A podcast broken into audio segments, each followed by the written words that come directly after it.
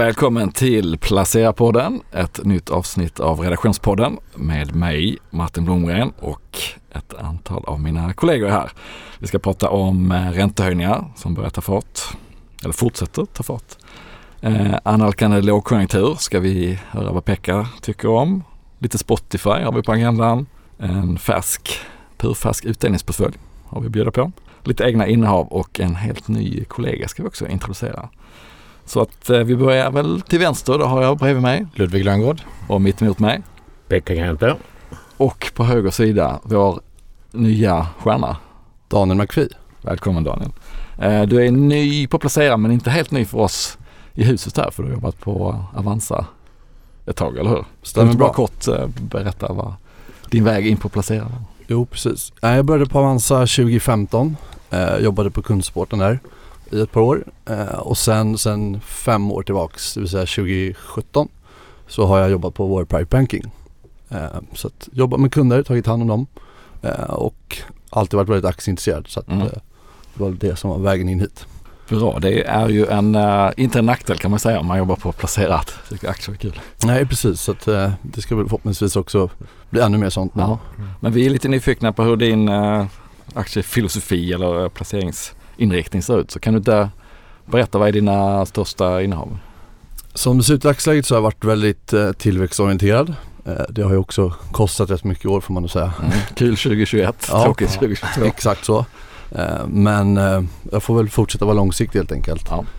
Men som det ser ut idag så är Mips mitt största innehav. Eh, och det är egentligen ett bett på att de kommer lyckas lika bra inom säkerhet som de har gjort inom sport och Mm. Andra delar. Hjälmteknik kan man väl säga då för uh, nytillkomna. Exakt, de jobbar med en patenterad lösning, eh, rotationsteknik som de kallar det. Eh, vilket innebär egentligen att när du eh, ra- ramlar med cykel eller får en annan huvudskada så eh, minskar de rotationen i hjärnan som egentligen är den skadliga delen. Och eh, de har växt väldigt mycket, både eh, globalt och i Sverige och ridit mycket på trenden då inom cykel. Nu kan man ju se att eh, det kommer rapporter om att eh, konsumenten håller på att dö Mm. eh, och lagerbyggnader hos kunderna. Eh, men eh, där och just därför så finns det ett stort värde i att de har börjat jobba inom säkerhet och Mm. har redan tio kunder där då, eller varumärken ska man väl säga, som säljer deras teknik. Och aktien är väl ganska blankad för mig. Stämmer bra, den är väl en av de mest blankade på börsen Mm. eh, i dagsläget vilket kan ju säga någonting om eh, att det finns folk som har en annan åsikt än vad jag har. Mm. Men det är väl Eh. mest en värderings att de som många andra har liksom skjutit iväg i värdering. Själva bolagets prestationer, det är väl inte så många som har något att anmärka på. Nej, eh, bolaget är ju väldigt högt värderat fortfarande trots Mm. att aktien har kommit ner. Eh, den är väl ner nästan 60% i år. Mm. Eh, och eh, ändå så har vi P40 skulle jag säga är Mm. på innevarande år. Eh, men där är det som sagt ett, ett hårt bett på att vinsten fortsätter växa som de har gjort historiskt. Eh, och att de har ett Eftersom att de har ett bra track record och kommer lyckas precis på samma sätt inom sport som inom säkerhet. Även om det förmodligen blir en, en släpning på det. Eftersom Mm. att de inte har kommit särskilt långt ännu inom säkerhet rent försäljningsmässigt. Mm. Har växt väldigt stort också inom motorcykel senaste tiden. Mm. Också från relativt låga nivåer. Spännande. Något mer då? Något mer? Ja, vad mer har vi? Jo, eh, Surgical Science Sweden som Och det är väl Luddes Ja, det är- lilla baby också? Ja det är min lilla baby också. så. Exakt, det vet jag att du har skrivit om tidigare. Mm. Eh, egentligen även där ett stort bett på framtiden. Eh, robotsim- eller robotkirurgi och simulering. Jobbar med att utbilda eh, kirurger och Mm. annat inom vården. Mycket vårdskador som vi vet. Har ett bra track record får man säga. Eh, har gjort flera förvärv under tiden på börsen. Eh, jag gillar, eller får i alla fall fått ett väldigt bra intryck av vdn. Mm. Det är väl en mer stor bett på en stark makrotrend. Mm. Precis. Det blir, det blir lite som en hacka och spade till hela robotkirurgibranschen kan man ju säga. Exakt. Så, spännande. Ja. Andra andra som du vill outa? Eh, ja, jag har i dagsläget har jag Truecaller. Ja. Eh, tjänar bra med pengar, växer kraftigt, ganska nytt på börsen. Kortsiktigt så har de väl spekulerat i att det har pressats i alla fall av att eh, riskkapitalbolagen ligger kvar. Eh, Atomico sålde här Just det. 2% eh, av eh, kapitalet Är det någon av lock, sån här lock-up som är på väg att gå ut? Ja, de har faktiskt redan gått ut. Så Okej. att eh, Sequoia bland annat, Sequoia India Ja, har en stor position där. okej. Så det är ett överhäng som skulle kunna dänga till den lite grann. Så kan det vara. Eh, Men det är kanske är där man ska gå in eller öka om man... Ja, aktien har ju kommit ner. Den gick upp en del där i somras eh, och sen dess så har den kommit ner. Eh, Mm. Jag tror att det är nog 25% här senaste tiden. Eh, och där finns det också, skulle jag säga, en, en, risk, en, en eh, politisk risk i form av datahanteringsfrågor i Indien. Mm. Det ska man också säga att en stor del av deras försäljning är i Indien, eller nästan all. Eh, och de tjänar pengar på annonsering. Eh, så det ligger också i portföljen i dagsläget. Eh, och sen har vi lite mindre positioner i Carcent eh, och Atlas Copco som Mm, den klassiska stjärnan. Så att eh, som sagt, nej väldigt tillväxt, tillväxtorienterat som har kostat mycket i år. Eh, men försöker rida på de stora makrotrenderna med bra historik eh, i bolagen. Ägare av kött och blod. Mm. Eh, och gärna stort insiderägande, stora trender. Eh, så brukar det bli ganska bra över tid i alla fall.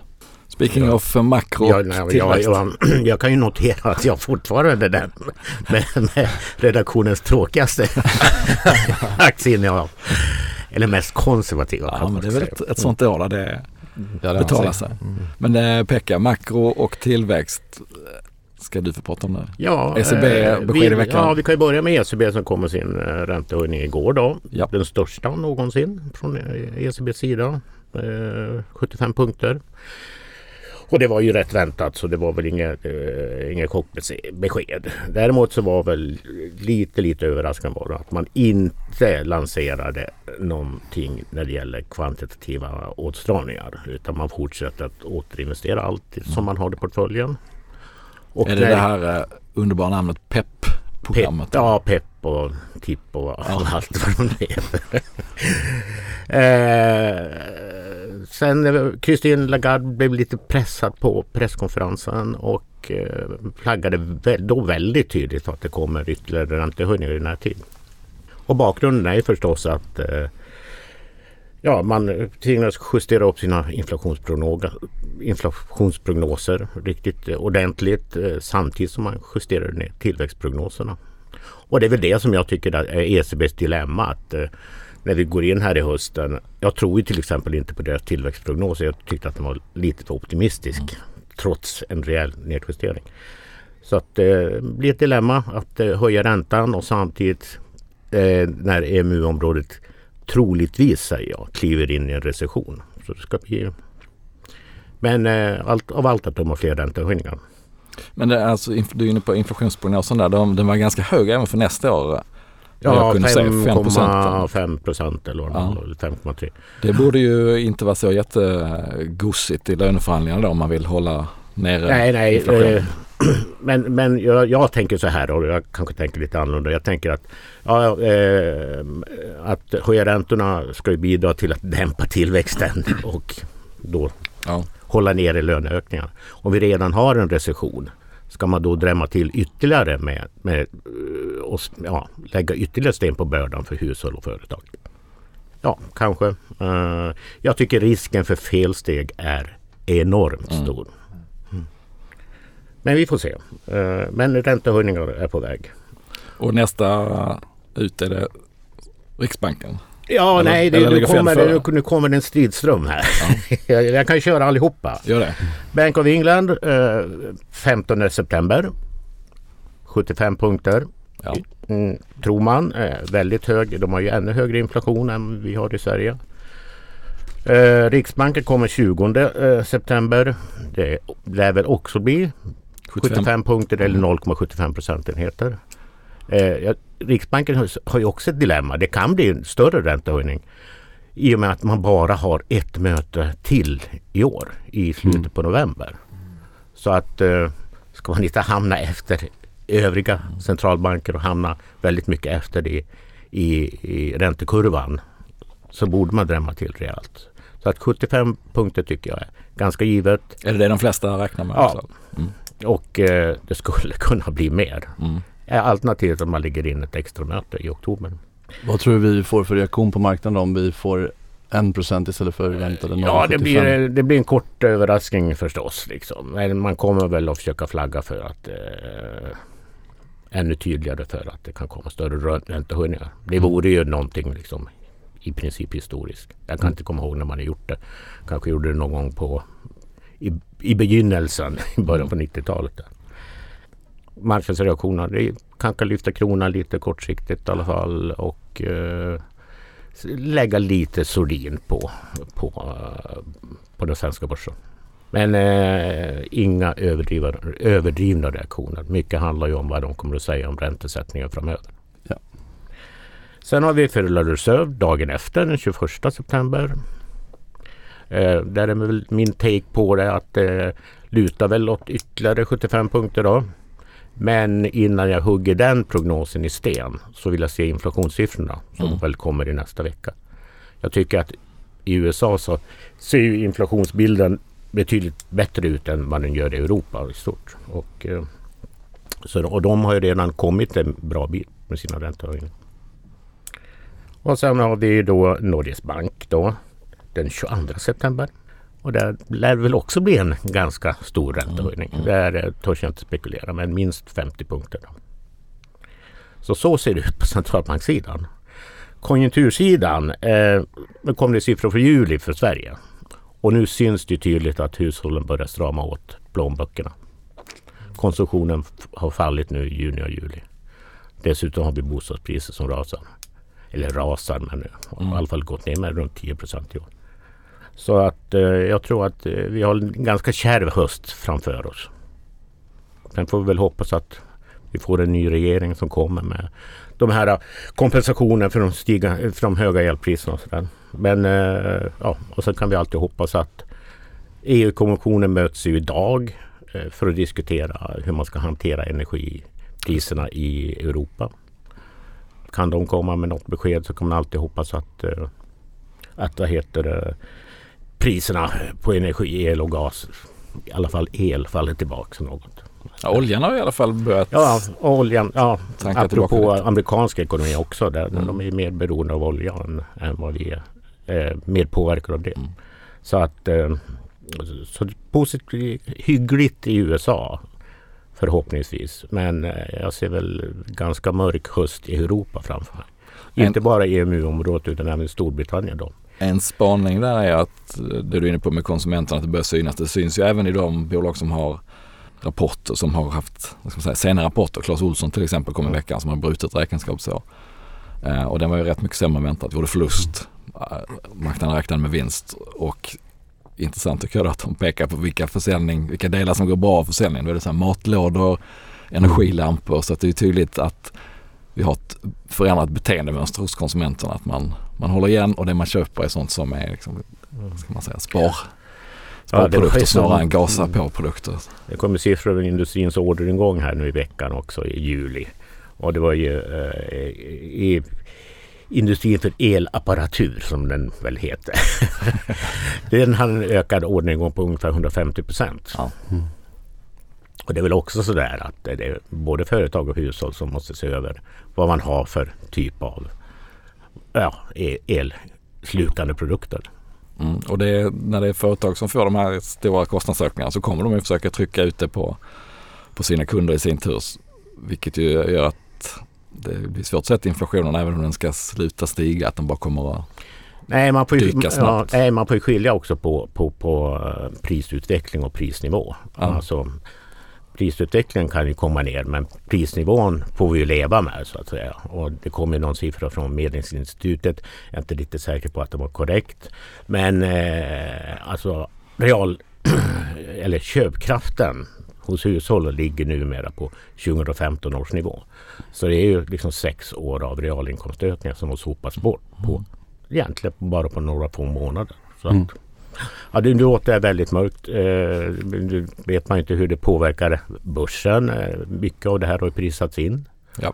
Och, eh, och jag tycker ju att, som jag läste din artikel om utdelnings, Ja, utdelningsföretag. Liksom. Det är ju intressant att man kan få en sån hög direktavkastning på aktier. Och det säger väl någonting om värderingen på börsen också. Liksom. Ja men det var, Mm. det var min tanke också att när jag såg hur lätt det var att hitta bolag som hade minst 5% i direktavkastning. Det brukar ju vara, alltså de som har hög har ju 4-5% och som är stabila. Nu la jag ribban vid 5% och letade efter att hitta 10 bolag som var hyfsat stabila som gav minst 5% och det var ju inga problem att hitta rätt många. Då tittar jag i Norden men mest svenska för att man får ju betala lite skatt på utdelning på utländska bolag och man tar en valutarisk så att är man en utpräglad utdelningsinvesterare tycker jag det kan finnas en poäng att vara ganska eh, svenskinriktad. Och man ser ju också hur det finns en bredd i verksamheten också. Precis, Tidigare man- pratade man ju ofta om att storbankerna Ja, delar ut bra och att det är där man ska ligga om man vill ha kupong. ja. Eh, Men eh, ja, det gick ju att hitta brett. Jag försökte undvika retail. Det finns alltså H&M och eh, Björn Borg de här delar ut mycket. Clas Ohlson för den delen delar ut mycket. De undviker för att s- försöka hitta bolag som kan vara någorlunda uthålliga ändå i det. Men det var inga problem att hitta tio bolag som i den här portföljen som jag, fiktiva portföljen som jag satte samman då, eh, som gav 6,8 procent i snitt på de här tio. Så även om en eller två skulle faila på utdelningen så kommer det vara en fantastisk utdelning. Så är man riktigt långsiktig så tycker jag det här talar för att vi kanske inte är på botten men man närmar sig ändå ett läge där stabila bolag med stabil intjäning värderas kanske lite för lågt då. Över lång tid. Och vill man se hela portföljen så är det bara att gå in på placera och, och checka den. Mm, jag hittar ju två, apropå konservativ placeringsstrategi, Tokman, så hittar jag ju två av mina bolag Ja, på din lista. I Telia Tänkte och, att det skulle glädja dig. Telia och eh, gamla Money Ja. som jag har haft länge nu. Som inte har varit någon eh, särskilt lycklig resa. Men eh, jag håller fast vid den. Mm. Bland annat på grund av den höga direktavkastningen. Ja, och lågt pris borde relativt sett klara sig ganska bra i det här klimatet tycker Ja, man jag. tycker det. Och de ser väldigt glada ut på hemsidan. Så Jag vet inte om det är en bra eller dålig indikator. Det kan man nog vara både och. Ja, nej, men jag håller med. Det är, en, eh, det är nästan så jag blir sugen själv på att köpa den där och eh, stoppa långt in i någon byrålåda och glömma bort. Eh, För 7% om året om det håller, det innebär att man ganska hyggligt snabbt nästan har fått tillbaka sin insats om man är uthållig. Hur såg ehm, eh, om man säger utvecklingen framåt på utdelnings... Om man ser till historiken så jag antar Mm. att det är många av de bolagen som är utdelningshöjare. Ja men så är det. Så att det finns också chanser kanske från dagens nivåer att få höjda utdelningar kommande, även om inte nästa år så. Precis. Precis, de här snittet då på 6,8 tror jag landar på. Det är ju då på prognoserna för nästa års utdelning. Ja. Eller alltså det som tjänas in i år som kommer under nästa år. Eh, men precis som du säger, de flesta har ju en policy att man vill höja utdelningen varje år och många har gjort det också. Nu blir jämförelserna blir lite eh, skeva just senaste åren här eftersom det Mm. fanns begränsningar under pandemin att dela ut. Så att en del bolag som egentligen skulle ha en väldigt snygg eh, panflöjtsstapel uppåt har ju fått bryta den då på grund av att de inte fick dela ut. Mm. Eh, Men bortser man från det så är det ju många som har en, en rätt så snygg eh, utdelningshistorik också. Så att det är inga problem att hitta utdelningsaktier just nu.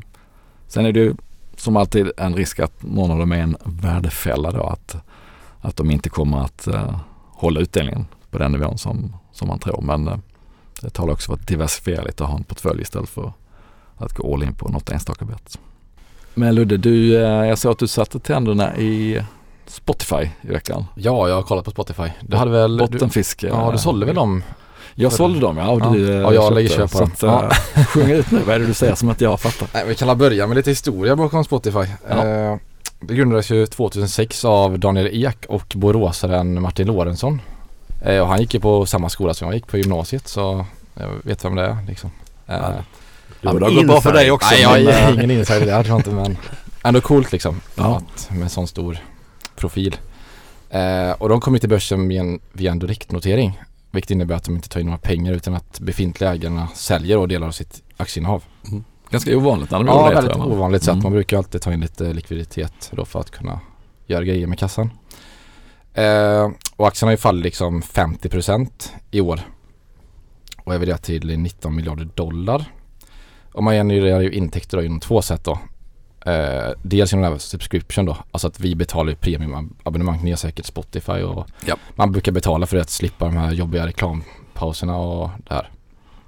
Och det är 90% av omsättningen och sen kommer övriga då från alltså annonsbaserade då. från det gratisabonnemanget då. Och eh, Spotify oft, kritiseras ju ofta för att de har dåliga marginaler, vilket de har. 70% av deras intäkter från musiksegmentet då går ju till avgifter till låtskrivare, skivbolag och artister. Så det är oerhört eh, lite de får av kakan då. Å andra sidan kan, får man också kritik för att de ger dåliga ersättningar till artister. Om vi tar till exempel då, en artist som har en miljon lyssningar på Spotify får i snitt 4 000 dollar. Vilket är ganska Mm. lite då. Mm. Men det jag tycker är spännande med Spotify nu då, det är ju att man går in på podcast-segmentet. Där man tror att det finns högre bruttomarginaler. 40% tror man att det kan uppnå tot- totalt hela koncernen då med hjälp av olika nya vertikaler. Mm. Men jag kommer in på det senare. Men nu har man ju lanserat det här podcast-segmentet då eh, och 30% av den totala kundbasen lyssnar på poddar nu och jag tror att det finns mer att hämta där. Man äger större del av värdekedjan vilket kan få upp marginalerna. Eh, och sen på senaste kapitalmarknadsdagen nu så sa man även att under det kommande decenniet så ska man säga tre olika vertikaler till då. Så först lanserar man ju musikbenet. Sen är det podcast och så är det ljudböcker nu också som kommer Mm. ut. Det pratade om igår också att det ska komma väldigt snart. Och så är det tre nya till då. Så jag tycker att eh, man visar att man har bra optionalitet och jag tycker det är intressant att man kan liksom kapitalisera mer på den här befintliga kundbasen då och få upp marginalerna. Eh, och på den här kapitalmarknadsdagen då så sa de också att de ska nå 100 miljon, miljarder dollar i omsättning det kommande decenniet. 40% bruttomarginal och 20% rörelsemarginal. Och marknaden verkar inte tro på detta alls känns det som. Eh, aktien värderas typ till 1,7 gånger försäljningen på inne- innevarande år. Ja, bara börsvärdet idag är ju samma som de skulle ha i vinst om 10 Ja. år om man gör en grov Ja exakt. Så det finns ju, om de ens når i närheten där så Mm. finns det uppsida i aktien. Eh, sen är ju alltid den här risken om konkurrensen. Eh, Apple, Amazon och allt det här. Eh, så det känns väldigt tufft på den, den fronten. Eh, men å andra sidan kan man ju, om man kollar på kön då, vad de för kundbortfall. Så har faktiskt Spotify väldigt mycket lägre, inte väldigt mycket lägre men lägre än konkurrenterna. Och det tycker jag säger någonting om styrketecknet att de lyckas liksom bygga ett starkt brand och kanske har ja, en väldigt svag byteskostnad skulle man kunna argumentera då för. Möjligtvis kan den bli starkare om man kan liksom linda in kunden i fler, flera olika vertikaler, typ då ljudböcker och podcast och musik. Eh, så jag tror faktiskt att man kan, kan lägga in en köp då, spekulativ köp på att inte konkurrenter kommer att ha marknaden då. Eh, sen har de även det här att de försöker förbättra marginalen i musikbenet också då genom det här two-sided marketplace som man säger att de har. Som innebär att man då ger möjlighet till skivbolag och artister att marknadsföra sig på Spotify. Som också ska upp marginalerna. Och det, det här lanserades typ för fyra år sedan. Eh, och man har ökat bruttovinsten i detta segmentet med åtta gånger. Så det verkar ändå funka liksom. Mm. Eh, och jag känns som att Daniel Ek är väldigt duktig vd och om man nu lyckas ro i hamn detta eh, med målen så tror jag absolut att det är köpläge. Men på kort sikt finns det alltid risker så det gäller att man ser att detta verkligen utvecklas. Alltså bruttomarginalerna ökar och att man kan öka månatliga aktiva användare också. Mm. Sen är det alltid risker på kort sikt som sagt med det här med konjunkturen och det här men på lång sikt tror jag att det kan finnas uppsida. Bra risk-reward. Ja, nej, men jag håller i grunden med. Ja, det var typ de argumenten som gjorde att jag köpte den. Den var Mm. I förra techfrosan i början på sommaren. Men du sålde på grund av eh, Ja, jag sålde på grund av att den, hade, den gick rätt bra över sommaren. Dess gick aktien upp en del och sen så eh, har ju dollarn skenat hela sommaren. Mm. Så jag känner att här har jag en liten god vinst att eh, låsa in samtidigt som alltså utsikterna för konsumentens närmsta två, tre kvartal blir sämre och sämre för varje vecka. Så att jag tyckte då kortsiktigt så finns det den här risken då att, att det börjar komma siffror på att deras eh, kundintag minskar lite och då tror jag de kan få en, eh, ja, en en, smäll. en smäll till. Ja. Mm. Så det var mer en så här kort medellång sikt att jag Mm. eh, backade ur och eh, eh, kan tänka mig återkomma om den skulle Ja, åka jag tänker för också den, Det långsiktiga caset ser ju bra ut och de är inte dyra i förhållande till det om man vågar tro på det. Nej jag tror inte heller. Jag tror att eh, marknaden diskonterar nog ganska Mm. mycket ja, dåligt liksom i aktiekursen nu. Så Jag kan mycket väl vara tillbaka där. om- Ja, jag borde väl också köpa Spotify. Apropå historik så var jag väldigt tidig. För jag kommer ihåg att det var en kompis som eh, hade någon kontakt med de här snubbarna som gav mig ett, eh, Lösenord. ett, eh, ja, ett lösenord Ja. till Spotify. Och vad kan det vara? Liksom 2007, 2008? Ja, 2008 lanserade 2008. tjänsten så Mm. måste ha 2008 ja, måste det ha varit. Så jag var varit med från början. Inte Early adopter. Ja, men det är fortfarande är, Ja, ja, jag har det. Jag har Ja. Man, är- man är fast i Spotify-träsket. Mm. Ja, jag med. Ja, Ja, är du, är du Spotify-kund? Kund är absolut. Ja. Eh, och det är väl en sån grej man, det ska gå riktigt till innan man säger upp det och används varje dag. Jag har själv börjat använda podcast-delen Mm. väldigt mycket. Mm. Ehm, och Ja, jag lyssnar också på poddarna i den. Alltså den här Apples egna var ju bra tidigare. Den Mm. var helt obegriplig sen. Jag hittar inte någonting så att det är snarare deras eh, dålighet som gjorde att jag gick över till Spotify även på podcasten. Men det kanske är en smaksak. Mm. Jo, nej men det är någonting jag använder väldigt mycket och inte kommer se upp närmsta tiden. Men som du säger så klart att det finns risker att Ja, de inte får nya kunder. Eh, vilket någonstans är väldigt viktiga för aktien på lång sikt. Mm. Eh, och sen finns ju det här gratisabonnemanget då men det är ju sämre bruttomarginaler. Så det är väl inte en trigger direkt att det skulle, om det skulle bli sämre tider att de skulle gynnas av det. Så är det absolut inte. Eh, men på lång sikt så tror jag ändå att aktien kan vara intressant. Och aktien handlas väl någonstans där den noterades också va? Ja, om inte, ja, Ja, nästan lägre. nästan eller? lägre. Så ja, den har väldigt, verkligen kommit ner. Den var ju Ja. på nästan 400 dollar och nu handlas den runt 100. De Så fick det är- väl också en sån här pandemiboost att man trodde att alla skulle sitta hemma Mm. och ja, vad man nu Och gör. det finns ju risk att det blir en Netflix-pannkaka ifall det skulle bli, Mm. ja. Men den delen, alltså det här nedstället som har varit nu, det är ju delvis för att man är rädd för Netflix-scenariot. Så att Mm. det har väl tagits ut till stor del. Så vi får väl se hur det blir. Jag gick på jakt också på bottenfiske men eh, SKF, Mm. kul lagerjätten. Christer Gardell gick ju in här om veckan eh, som vi flaggade upp att det var hans nya innehav då och gjorde mig lite nyfiken på vad det är han har sett som vi andra har missat. Eh, men jag kan inte säga att jag hittade vad, vad han riktigt tilltalas av förutom värderingen för den är P-tal på 9-10 eh, kommande två åren och det är ju jättelågt men det ska ju också vara ganska lågt i ett cykliskt bolag när man kanske står inför en vinstavmattning.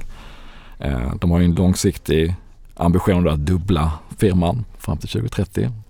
Vilket om man räknar baklänges skulle innebära att de måste växa 8% om året.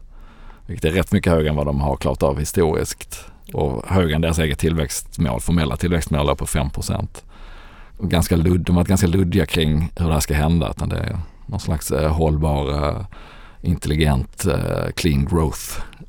Med en massa boxar i powerpoints men inte så mycket hårda fakta tycker jag. Eh, Så att aktiemarknaden har inte riktigt låtit sig övertygas och eh, inte mig heller. Så att den här ska man nog bottenfiska men man kan nog göra det lite längre fram tror jag. För att Så avvakta då på den. avvakta på den ja, och skulle den gå ner en 10-15% till då kanske man ska hoppa in. Men eh, jag tror att eh, Christer kanske är för tidigt ute. Mm. Hur ser det ut med egna affärer för er del? Har ni gjort något? Nej, jag sitter ju... Det här sitter. Jag har ju haft en...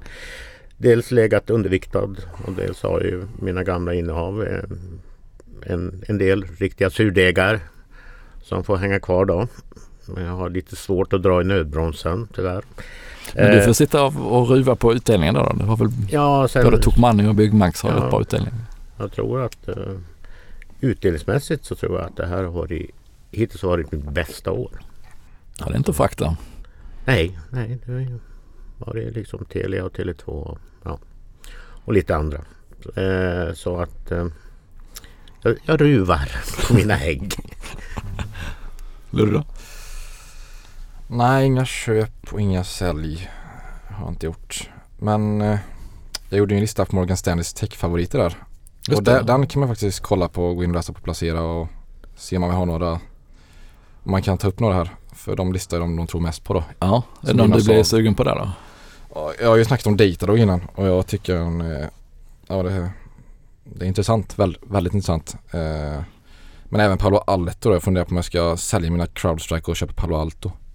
Cybersäk? Ja, cybersäkerhetsjätten då som har ett större ekosystem av varor då.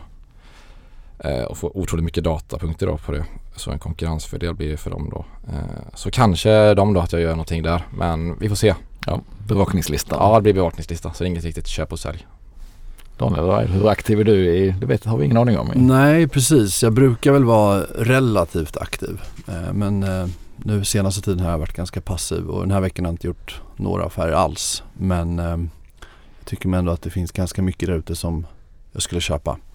Eh, så att eh, det blir nog en del affärer här kommande vecka hoppas jag. Mm. Eh, så att vi får se lite vart det hamnar men inte in någonting den här veckan.